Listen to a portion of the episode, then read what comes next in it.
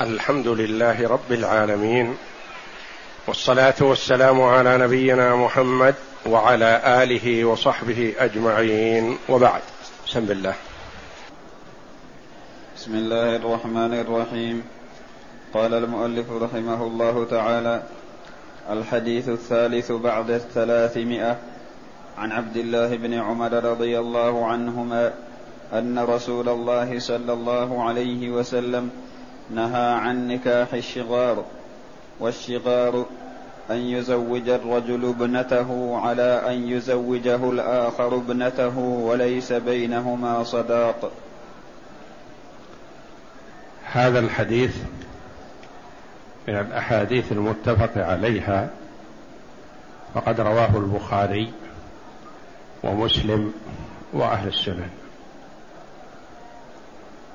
يقول عبد الله بن عمر رضي الله عنهما أن رسول الله صلى الله عليه وسلم نهى عن نكاح الشغار.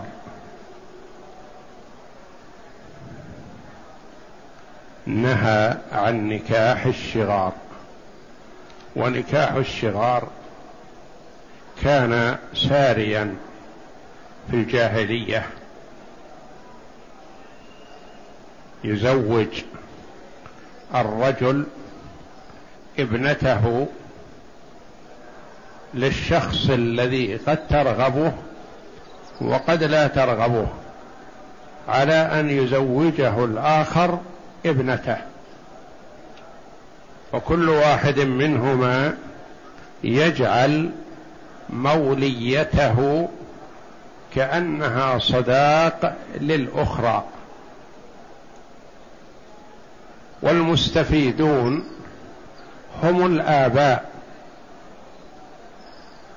والزوجات غير مستفيدات شيئا كأنها جعلت سلعة أو قيمة.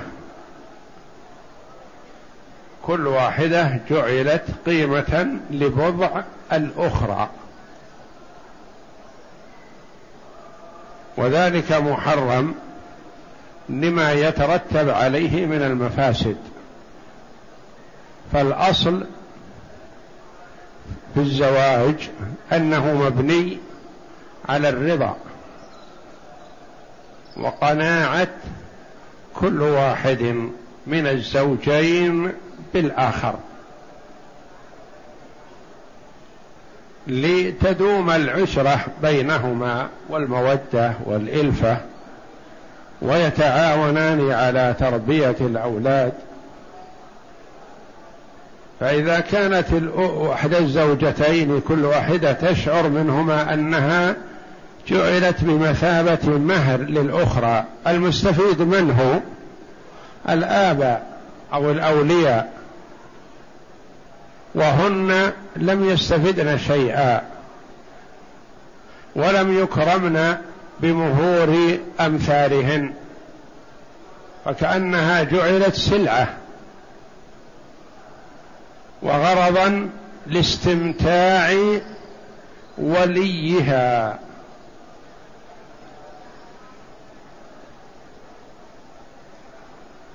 وسمي نكاح الشغار لأنه يقال شغر الكلب في اللغة إذا رفع رجله ليبول.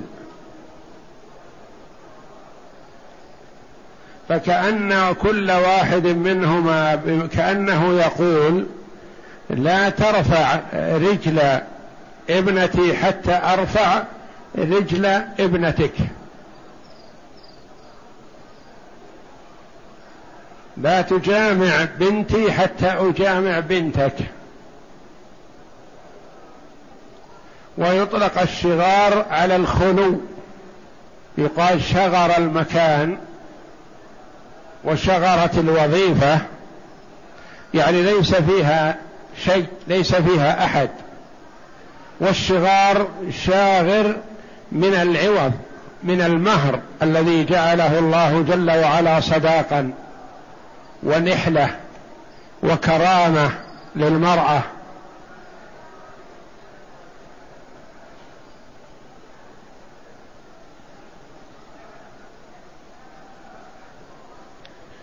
وسمي بهذا الاسم شغار تكريها له ولتنفر في منه النفوس الطيبة. تنفر عن هذا الوصف فيعطي ابنته من أجل أن يعطيها الآخر ابنته.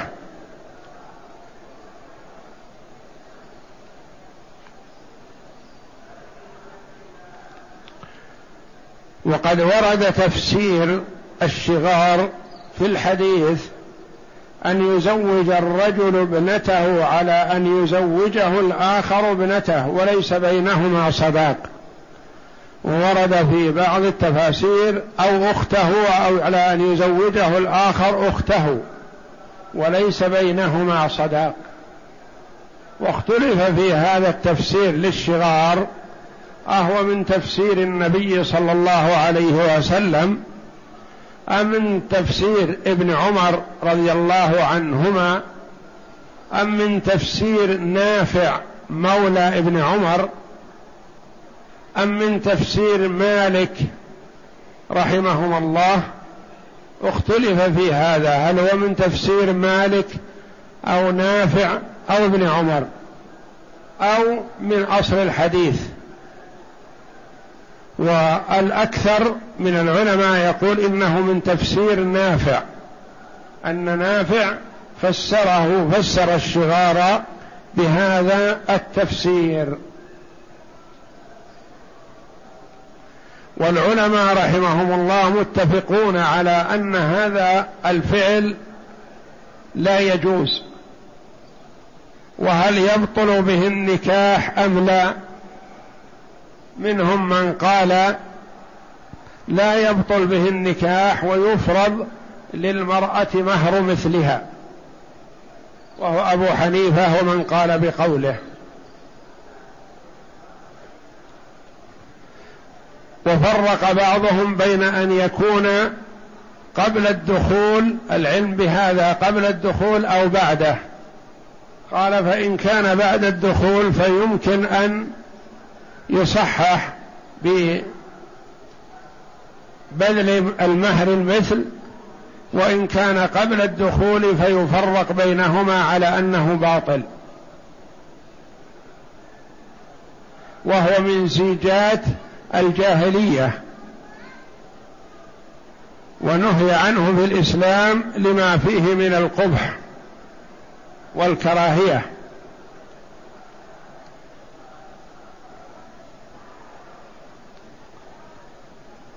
نهى أن رسول الله صلى الله عليه وسلم نهى عن نكاح الشغار. أما إذا كان النكاح برضا وقناعة من كل واحد من الزوجين وفرض لكل واحدة مهر مثلها فلا كراهة في هذا. إذا كان هذا رغب أن يزوج ابنته أو أخته لهذا الرجل وهي رغبت فيه والآخر رغب أن يزوج ابنته أو أخته لهذا الرجل وهي رغبت فيه كذلك فلا كراهة حينئذ ولا شغار بشرط أن يدفع كل واحد منهما لزوجته مهر مثلها. ولا تكون مرغمة على الزواج بهذا الرجل وإنما كان هذا الزواج عن قناعة فلا كراهة حينئذ. اقرأ.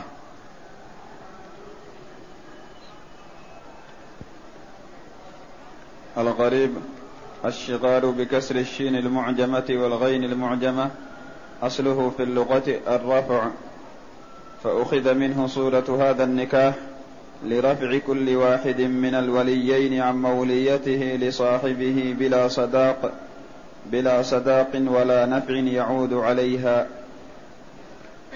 المعنى الإجمالي الأصل في عقد النكاح أنه لا يتم إلا بصداق للمرأة يقابل ما تبذله من بضعها.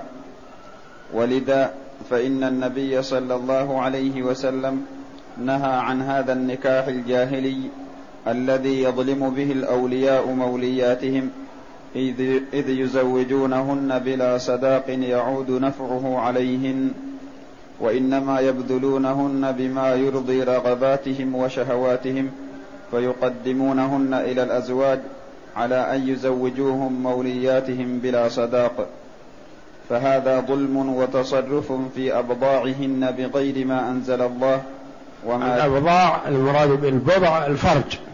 نعم. وما كان كذلك فهو محرم باطل. ما يؤخذ من الحديث اولا النهي عن نكاح الشغار والنهي والنهي يقتضي الفساد فهو غير صحيح. يعني لا يصح وإنما إذا أريد تصحيحه ممكن أن يصحح بقناعة كل واحدة من الزوجتين ودفع مهر مثلها. نعم. ثانيا أن العلة في تحريمه وفساده هو خلوه من الصداق المسمى ومن صداق المثل وأشار إليه بقوله وليس بينهما صداق. ثالثا وجوب النصح للمولية فلا يجوز تزويجها بغير كفء لغرض الولي ومقصده. هذا واجب من النصح لموليته ألا يزوجها إلا بمن ترضاه فلا يزوجها لشخص من أجل أن يستفيد هو منه من ماله أو عمله لديه أو نحو ذلك لأنها هي صاحبة العلاقة والواجب عليه أن ينصح لها كما ينصح لنفسه فلا يزوجها من لا ترضاه. ولهذا أمر النبي صلى الله عليه وسلم باستشارة النساء وأخذ رضاهن قبل العقد عليهن. فقد جاءت امرأة إلى النبي صلى الله عليه وسلم فقالت يا رسول الله إن أبي زوجني من ابن أخيه ليرفع بي من خسيسته وإني لا أريده. فجعل النبي صلى الله عليه وسلم الأمر إليها. جعل الأمر إليها. فقالت أجزت ما أجاز أبي لكن أردت أن يعرف النساء أنه ليس للآباء عليهن سلطان. فهي أرادت أن تعلم النساء بأن الرسول صلى الله عليه وسلم لا يقر الولي على أن يزوج موليته بالشخص الذي لا ترضاه فجعل النبي صلى الله عليه وسلم الخيار لها. رابعا بما أنهم جعلوا العلة في إبطال هذا النكاح هي خلوه من الصداق فإنه يجوز أن يزوجه موليته على أن يزوجه الآخر موليته بصداق غير قليل مع الكفاءة بين الزوجين والرضا منهما. نعم إذا حصل الرضا بين الزوجين ومهر المثل فلا مانع أن يزوج هذا وهذا يزوج هذا لأنه كثيرا ما يرغب كل واحد منهما بصاحبه فلا حرج. نعم. خامسا قوله والشقار أن يزوج الرجل إلى آخره. قال ابن حجر رحمه الله اختلفت الروايات عن مالك في من ينسب إليه تفسير الشغار فالأكثر لم ينسبوه لأحد. وبهذا قال الشافعي رحمه الله فقد قال لا أدري التفسير عن النبي صلى الله عليه وسلم أو عن ابن عمر رضي الله عنهما. أو عن نافع أو عن مالك رحمهما الله وجعله بعضهم من تفسير نافع وليس خاصا بالابنة بل كل مولية. وقال القرطبي ليس خاصا بالبنت يشمل البنت والأخت والعمة وبنت العم ونحو ذلك من ممن هي مولية لهذا الرجل يعني هو وليها فهو كما يزوج ابنته يزوج أخته يزوج بنت أخيه يزوج عمته إذا كان هو أقرب الأولياء إليها. لأن ولاية النكاح بالقرب كالعصبة إلا بين الأب والابن. فالأب أولى بتزويج البنت ثم الجد ثم الابن ثم الأخ. وهكذا. وقال القرطبي رحمه الله تفسير الشغار صحيح موافق لما ذكر أهل اللغة. فإن كان مرفوعا فهو المقصود وإن كان من قول الصحابي فمقبول أيضا لأنه أعلم بالمقال وأفقه بالحال. ويقول القرطبي رحمه الله في تفسيره إن هذا التفسير للشغار إن كان صادر عن النبي صلى الله عليه وسلم فلا كلام لأحد فيه. وإن لم يكن عن النبي صلى الله عليه وسلم وعن أو إنما كان عن الصحابي فكذلك فعلى العين والرأس لأن الصحابة رضي الله عنهم أفقه الأمة لأنهم أخذوا من النبي صلى الله عليه وسلم مباشرة فهم أعلم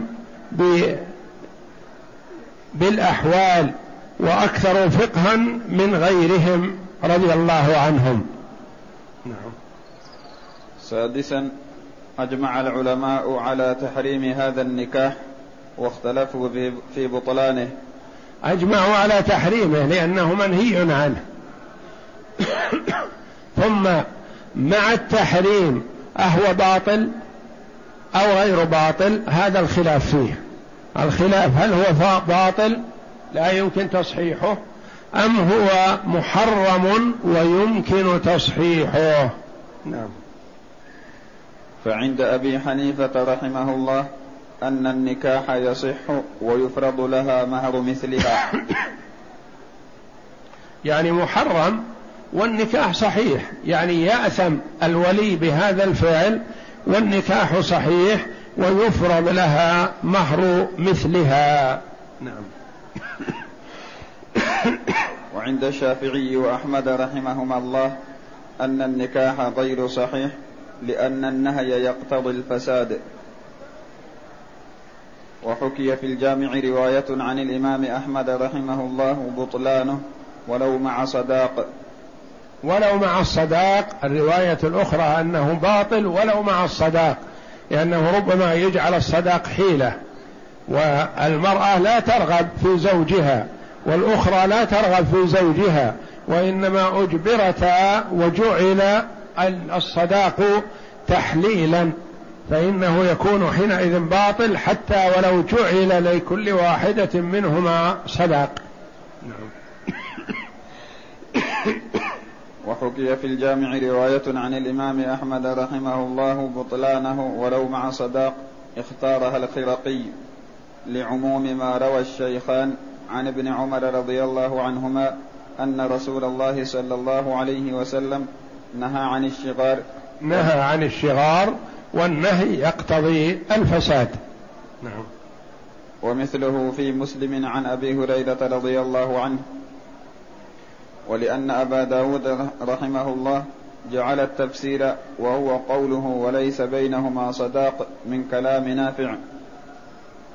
واختار هذا القول العلامة الأثر الشيخ عبد العزيز بن باز رحمه الله في رسالة له في الأنكحة الباطلة والله أعلم.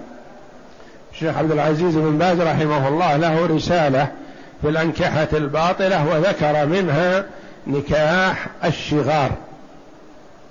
وكان معمولا به في بعض البوادي لغلبة الجهل.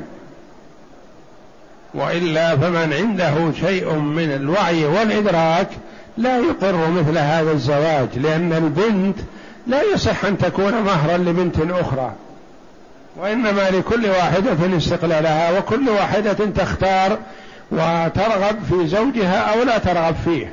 لها الخيار فلا تكره على رجل لا تريده وإنما تكره عليه من أجل مصلحة أبيها أو مصلحة أخيها أو أحد أقربائها. لا مصلحة لها في ذلك فلهذا رأى كثير من العلماء بطلانه حتى لو كان هناك صداق. والله أعلم وصلى الله وسلم وبارك على عبده ورسول نبينا محمد وعلى آله وصحبه أجمعين.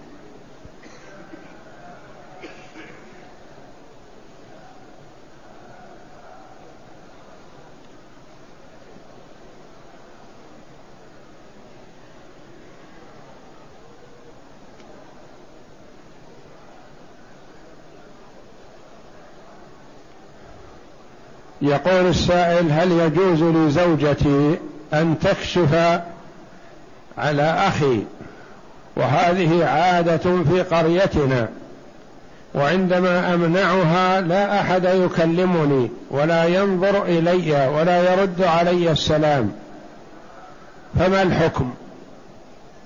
والجواب لا يجوز لزوجتك أن تكشف وجهها لأخيك ولا لابن أخيك ولا لعمك ولا لخالك لأنهم كلهم أجانب. وإنما تكشف لأبيك سواء كان أو جدك من قبل أبيك أو من قبل أمك. ولأبنائك إذا كان لك أبناء من غيرها مثلا فهم محارم لها.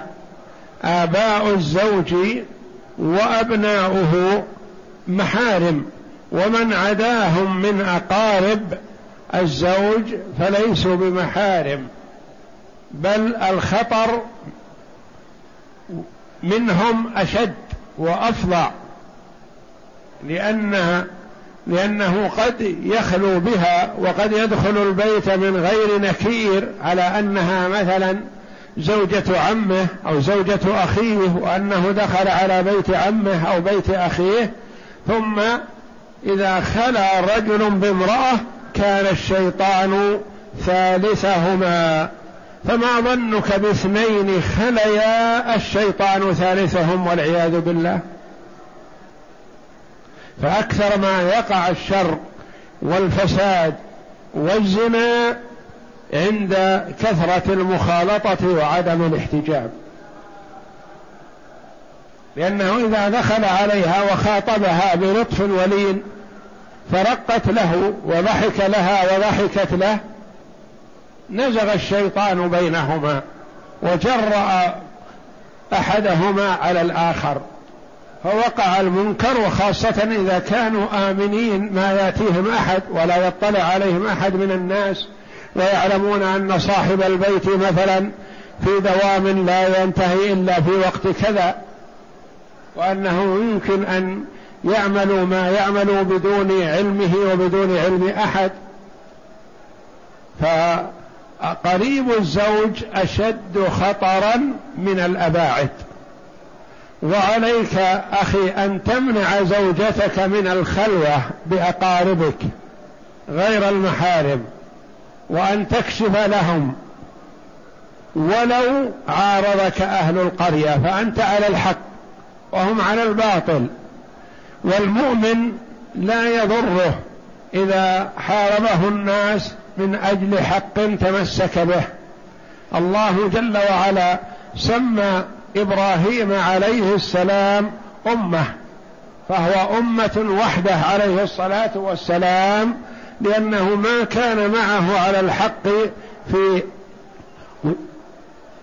في بعض الأوقات سوى زوجته. سارة رضي الله عنها. فلا يضير المسلم أن يكون على الحق والناس على الباطل ولا بد أن يرجعوا ويتراجعوا.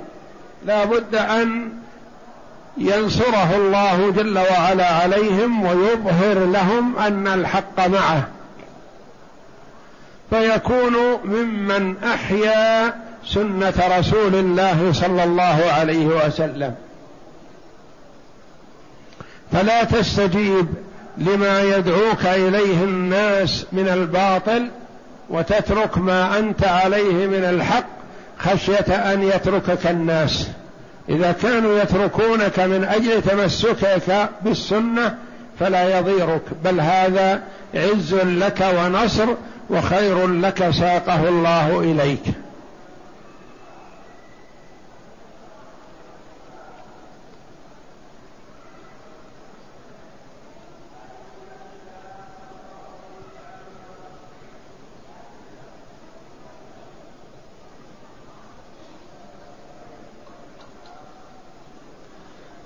يقول في قريتنا شخص لا يصلي ولكنه هو يخطب يوم الجمعة لأنه لا أحد يستطيع أن يخطب غيره وكلما قدمت له النصيحة لا يستمع إليها ولكن يخطب وينصرف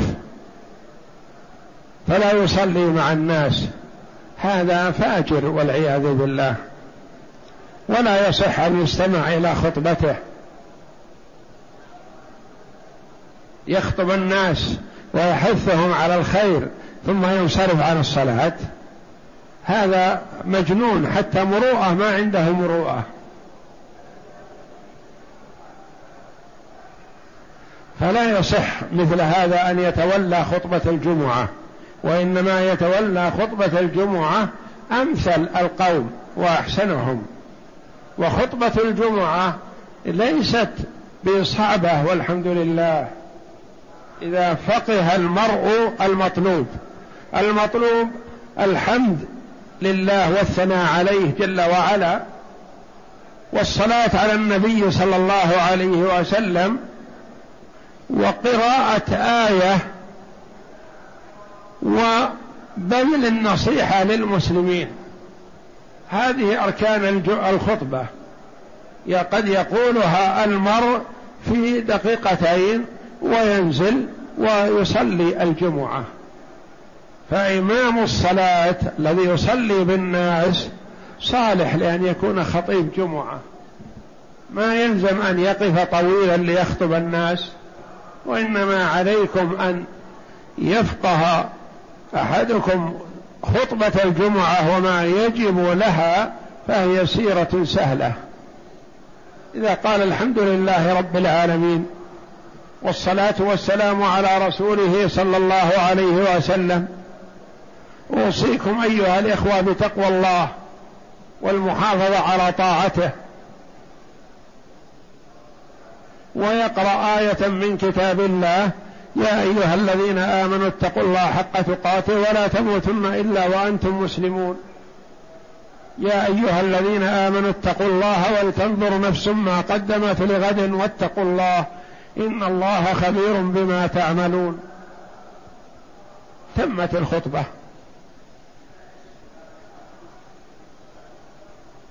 وارفعوا أمركم للجهة التي تتولى شؤون المساجد والصلاة لتكلف من يصلي بكم ولو من قرية حولكم.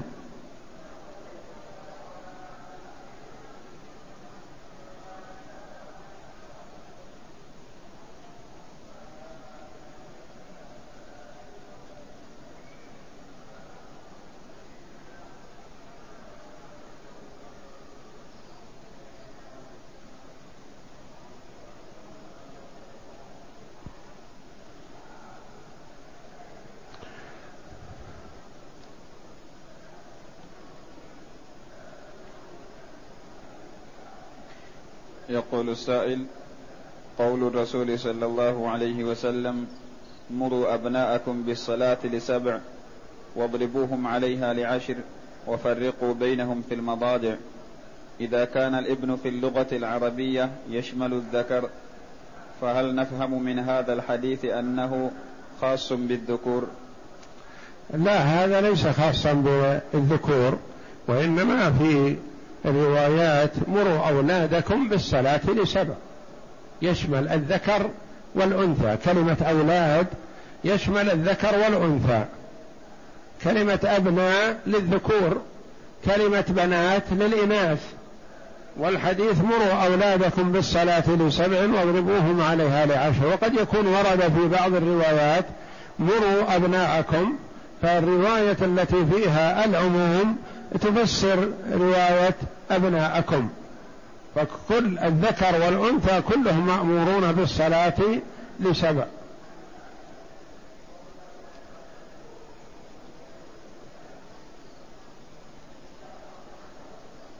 يقول السائل أنا من آل البيت وأريد أن أعتمر وأتصدق وأهدي ثوابه إلى رسول الله صلى الله عليه وسلم حتى يشفع لي يوم القيامة.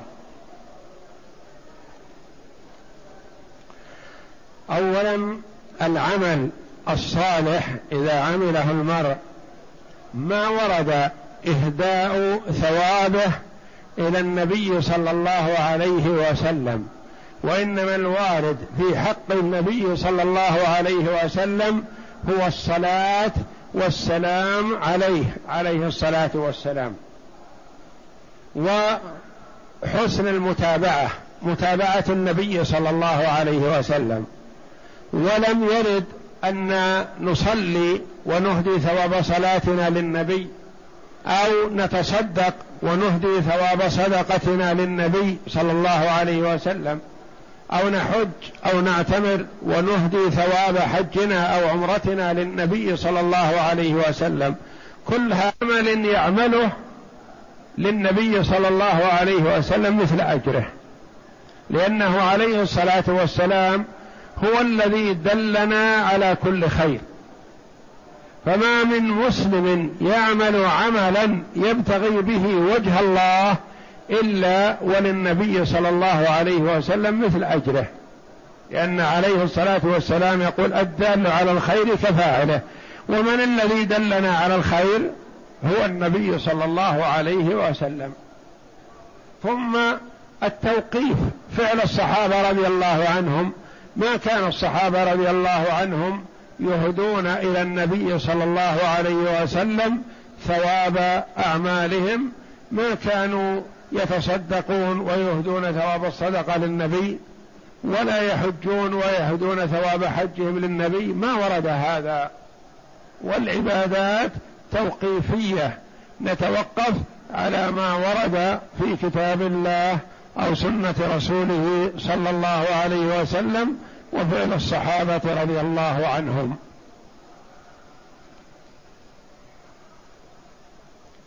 وكلمة أن يتقرب المرء إلى الرسول صلى الله عليه وسلم من أجل أن يشفع له هذا خطأ. لأن الشفاعة بيد الله جل وعلا. ليست الشفاعة بيد النبي صلى الله عليه وسلم. وإنما الله جل وعلا يأذن للنبي صلى الله عليه وسلم في أن يشفع لمن رضي الله عنه. يقول الله جل وعلا من الذي يشفع عنده إلا بإذنه؟ ويقول جل وعلا ولا يشفعون إلا لمن ارتضى. فيحرم علينا أن نتقرب إلى مخلوق أيا كان لأجل أن يشفع لنا. وإنما نتقرب إلى الله ونتبع سنة رسول الله صلى الله عليه وسلم ليرضى الله عنا ويرضى عنا رسوله صلى الله عليه وسلم. فإذا أردت الشفاعة من النبي صلى الله عليه وسلم فاتبعه. وأطع ربك والله جل وعلا يشفع فيك نبيه صلى الله عليه وسلم. والشفاعة لا تطلب من الشافع وإنما تطلب من الله. فلا تقل مثلا لأفراطك ولدك الذي مات صغيرا اشفع لي عند الله يا فلان اشفع لي عند الله. تطلب من الله جل وعلا الا يحرمك من شفاعة أفراطك. تقول اللهم لا تحرمني شفاعة أفراطي. اللهم لا تحرمني شفاعة نبينا محمد صلى الله عليه وسلم. تقول اللهم شفع في أنبياءك ورسلك وعبادك الصالحين. اللهم لا تحرمني من دعوات إخواني المسلمين. وهكذا فالطلب من الله جل وعلا وحده.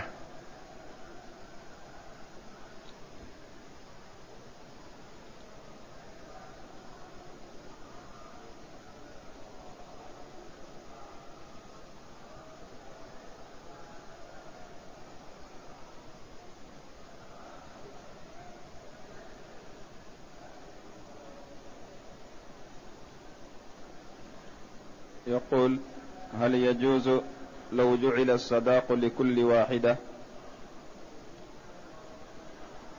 إذا كان عن قناعة كل واحدة قنعت بزوجها ودفع لها مهر مثلها فلا شيء في هذا.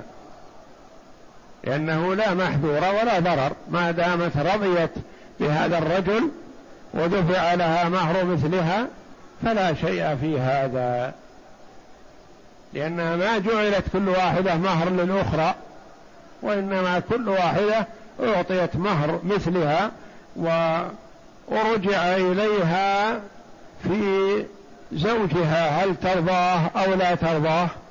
فإن رضيته فالأمر إليها.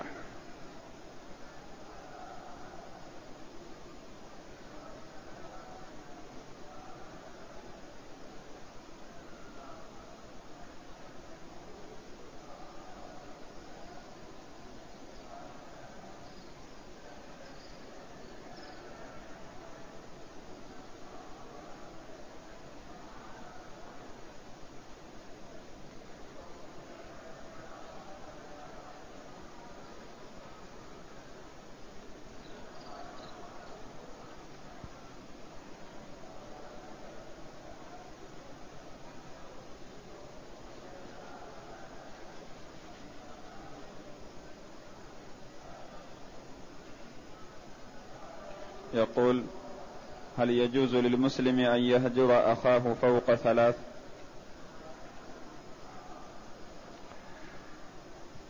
الهجر أنواع.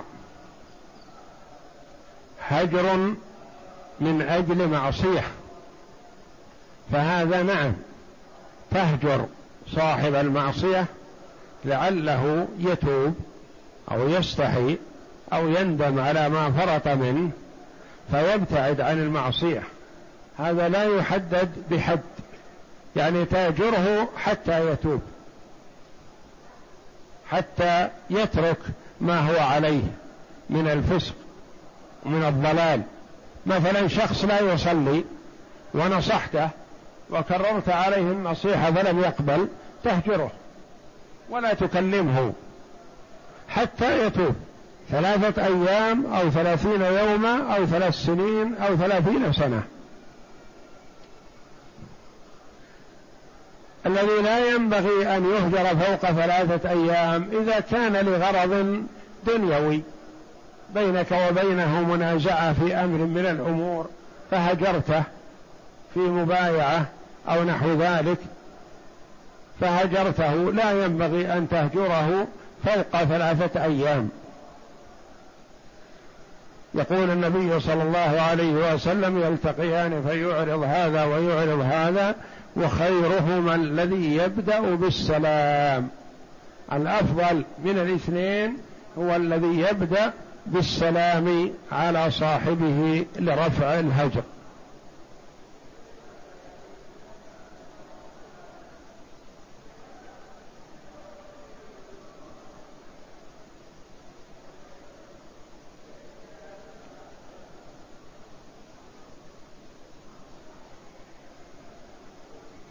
يقول هل صوم يوم تطوع بمكة بمئة ألف يوم؟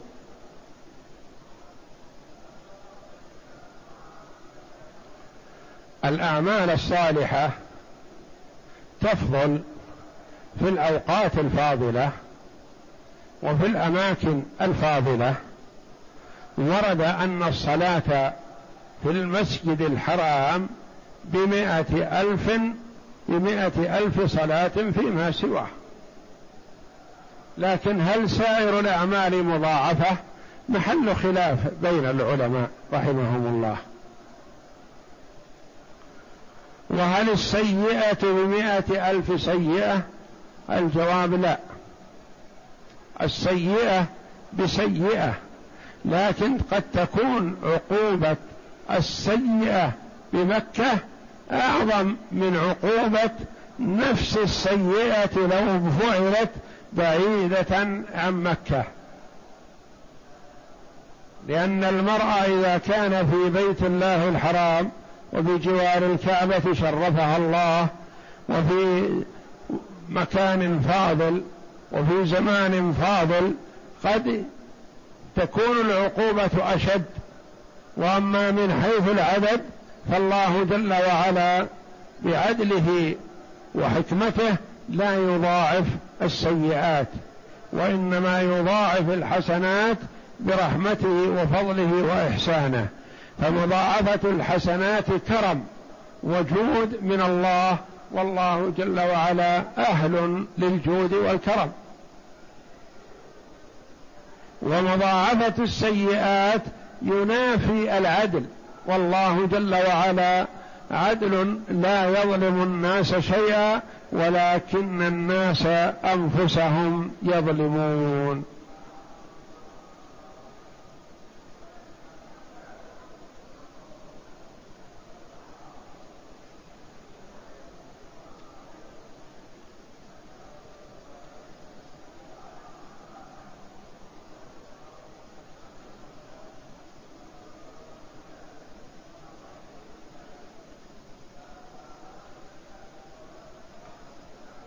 يقول هل يجب للمسلم أن يختم القرآن ولا يعمل به؟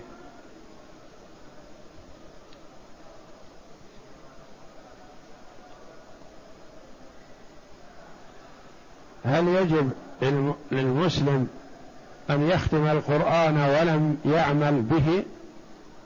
ما يجوز للمسلم أن يترك العمل بالقرآن سواء قرأه وختمه أو لم يقرأه. المسلم مأمور بأن يتقيد بتعاليم القرآن وإن لم يقرأ منه إلا الشيء اليسير. فمن الناس والعياذ بالله من يقرأ القرآن والقرآن يلعنه. وكيف ذلك؟ لأنه يقرأ ألا لعنة الله على الظالمين ثم يظلم. وفي القرآن لعن الكذابين ويكذب. فيجب على المسلم أن يتقيد بتعاليم القرآن ويأخذ بها ويحرص عليها ويعض عليها بالنواجذ. ولا يجوز له أن يترك تعلم القرآن أو يترك حفظه أو يترك قراءته يقول خشية أن لا أعمل به. نقول اقرأه واعمل به. اجتهد في العمل بالقرآن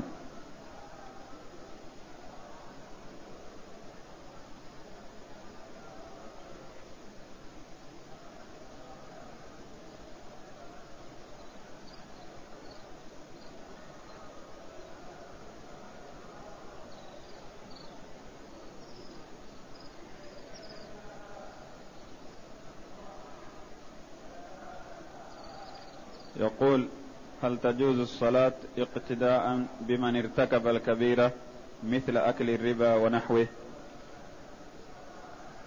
هذا لا يخلو. إن كان لا يوجد من تصلي خلفه إلا هذا فلا تترك. الصلاة خلفه من أجل فعله لبعض الكبائر. أما إذا وجد أخيار وصلحاء فلا يجوز للمسلم أن يصلي خلف الفاسق الواقع في الكبائر وهو يجد مندوحة عن ذلك.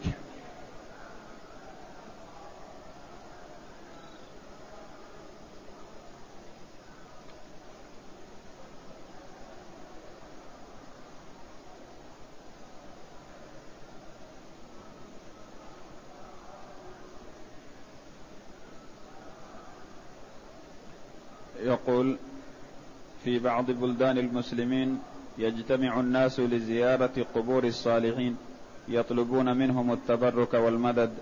وسؤالي هل يجوز الذهاب إلى ذلك المكان بالنسبة للبائع والمشتري أو ما إلى ذلك مع أنه لا يعتقد التبرك لذلك المكان أو الزمان ومقصوده العمل فقط؟ اولا يجب على المسلم إذا رأى من الناس الوقوع في المنكر وترك الحق أن يدعو إلى الله ويرغب في التمسك بالهدي الصحيح. ولا يترك الناس ويقول لا يقبلون مني أو أنا لا أعرف. يقول عليه الصلاة والسلام من رأى منكم منكرا فليغيره بيده. هذا إذا كان يستطيع. فإن لم يستطع فبلسانه. فإن لم يستطع فبقلبه. وذلك أضعف الإيمان. فإذا غير بلسانه ولم يستجب له تبرأ ذمته. وإذا كان لا يستطيع التغيير باليد ولا باللسان يخاف على نفسه فيكره المنكر بقلبه ويبغضه ويبغض أهله. ولا يجوز له أن يخالط أصحاب المنكر لأنه إذا حصل عذاب أو انتقام من الله جل وعلا شملهم ومن معهم. فليحذر المسلم أن تقع عليه عقوبة الله جل وعلا بكونه يجالس الظلمة أو يجالس المنحرفين عن الصراط المستقيم. ولا يخالطهم من أجل البيع أو الشراء أو المكسب المادي ويقول أنا لا أرضى بفعلهم ويخالطهم بل عليه أن يحذر ذلك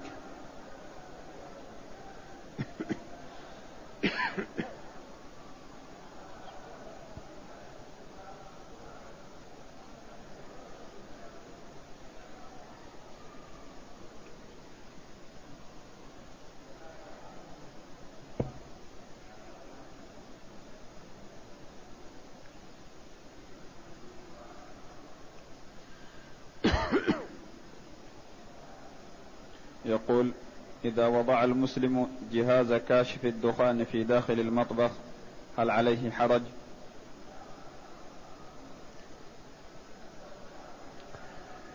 إذا وضع جهاز كاشف الدخان داخل المطبخ فهل في هذا حرج؟ ما في حرج والله أعلم لأنه ما يترتب عليه لأن هذا الجهاز يمكن يصوت إذا حصل دخان آه، زائد أو إشعار بحريق أو نحو ذلك فلا بأس بهذا.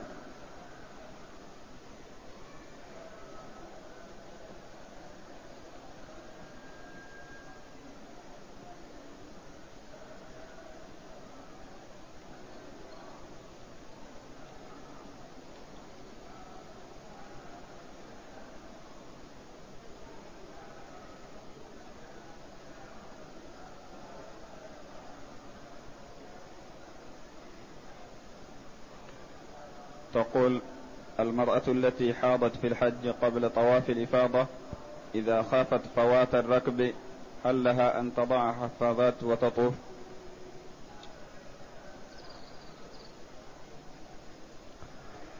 هل على المرأة التي حاضت في الحج قبل طواف الإفاضة إذا خافت فوات الرفقة أن تضع حفاظة وتطوف بالبيت اولا إذا كان مكانها قريب فلا حرج عليها أن تذهب وهي على إحرامها لم تتحلل التحلل الكامل فإذا طهرت عادت. وإذا كان مكانها بعيد فتشرح وضعها عند إرادة سفر رفقتها لطالب علم يجتهد لها في وقته.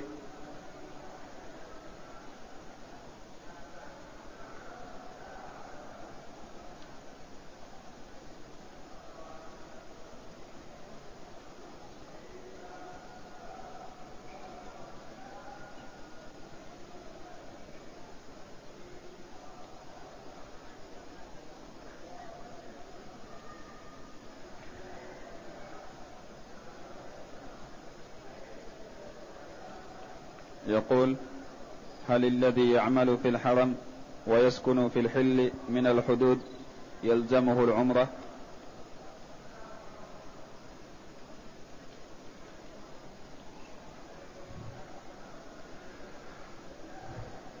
اولا إذا كان المقصود السؤال عن عمرة الإسلام عمرة في العمر مرة فأهل الحرم ومن حوله محل خلاف بين العلماء رحمهم الله.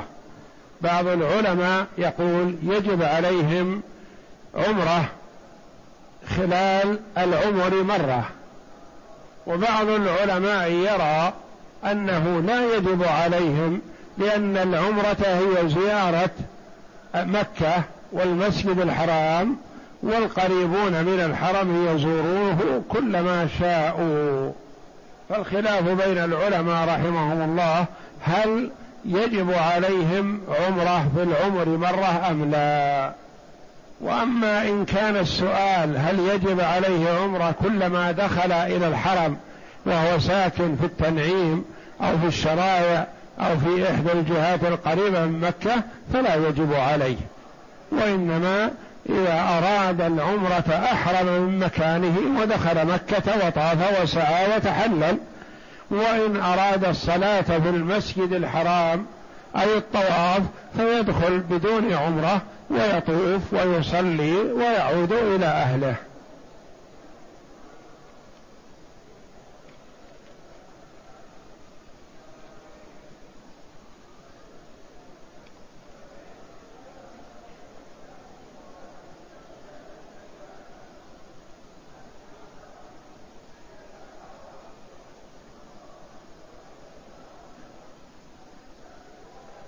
يقول هل الذي لا يصلي يؤكل من أكله ويزار في بيته؟ وما نصيحتكم؟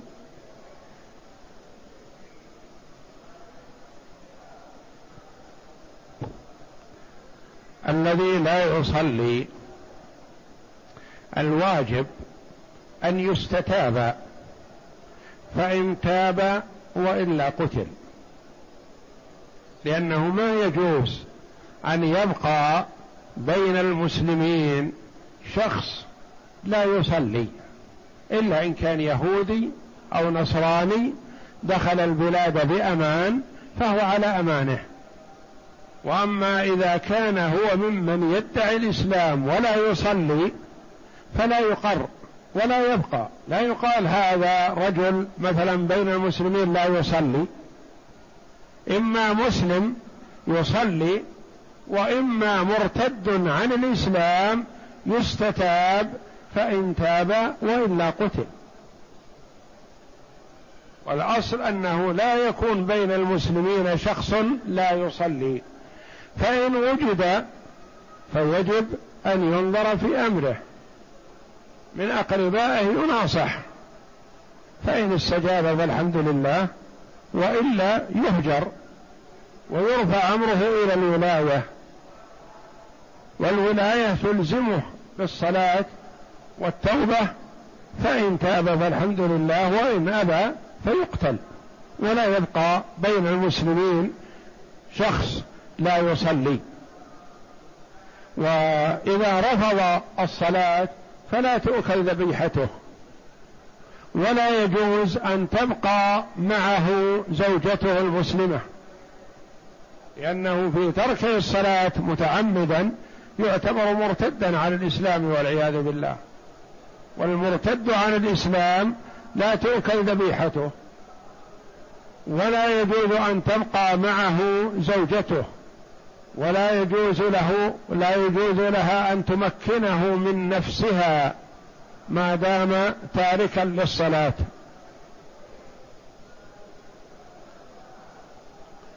ولا بأس بزيارته إذا كان لدعوته. وترغيبه في الخير ومناصحته فالزيارة شيء وأكل ذبيحته شيء آخر. النبي صلى الله عليه وسلم زار الشاب اليهودي المريض. شاب يهودي مريض علم عنه النبي صلى الله عليه وسلم فزاره لأنه كان يأتي حول النبي صلى الله عليه وسلم ففقده فقيل هو مريض. فزاره النبي صلى الله عليه وسلم من حسن خلقه ودعاه إلى الإسلام. فالشاب اليهودي رفع طرفه إلى أبيه وكان عند رأسه فقال له أبوه أطع أبا القاسم. لأنه يعرف أن في طاعة محمد صلى الله عليه وسلم سعادة للولد عظيمة. أطع أبا القاسم فشهد الولد أن لا إله إلا الله وأن محمد رسول الله ثم مات. فقال النبي صلى الله عليه وسلم للصحابة جهزوا أخاكم. وقال عليه الصلاة والسلام الحمد لله الذي أنقذه من النار بي. فببركه زيارته صلى الله عليه وسلم سلم من النار بإذن الله وسماه النبي صلى الله عليه وسلم أخا للصحابة رضي الله عنهم. فزيارة المرتد والفاسق والفاجر من أجل دعوته إلى الله جل وعلا وترغيبه في الخير هذا حسن. لكن لا تكرر الزيارة من باب الاستئناس به وإلفه ومحبته لا بل أوثق عرى الإيمان الحب في الله والبغض في الله. تحب هذا الرجل لأنه مطيع لله وتبغض الآخر لأنه فاسق وفاجر وعاصي.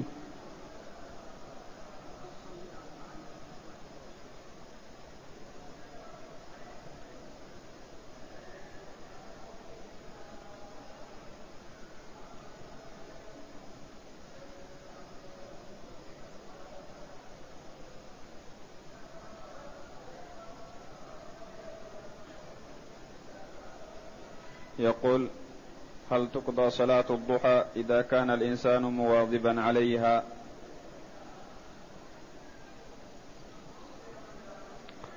نعم إذا كان المرء مواظب على صلاة الضحى فانشغل عنها بأمر من الأمور فيستحب له أن يقضيها لأنه كما ورد في الحديث أحب العمل إلى الله أدومه.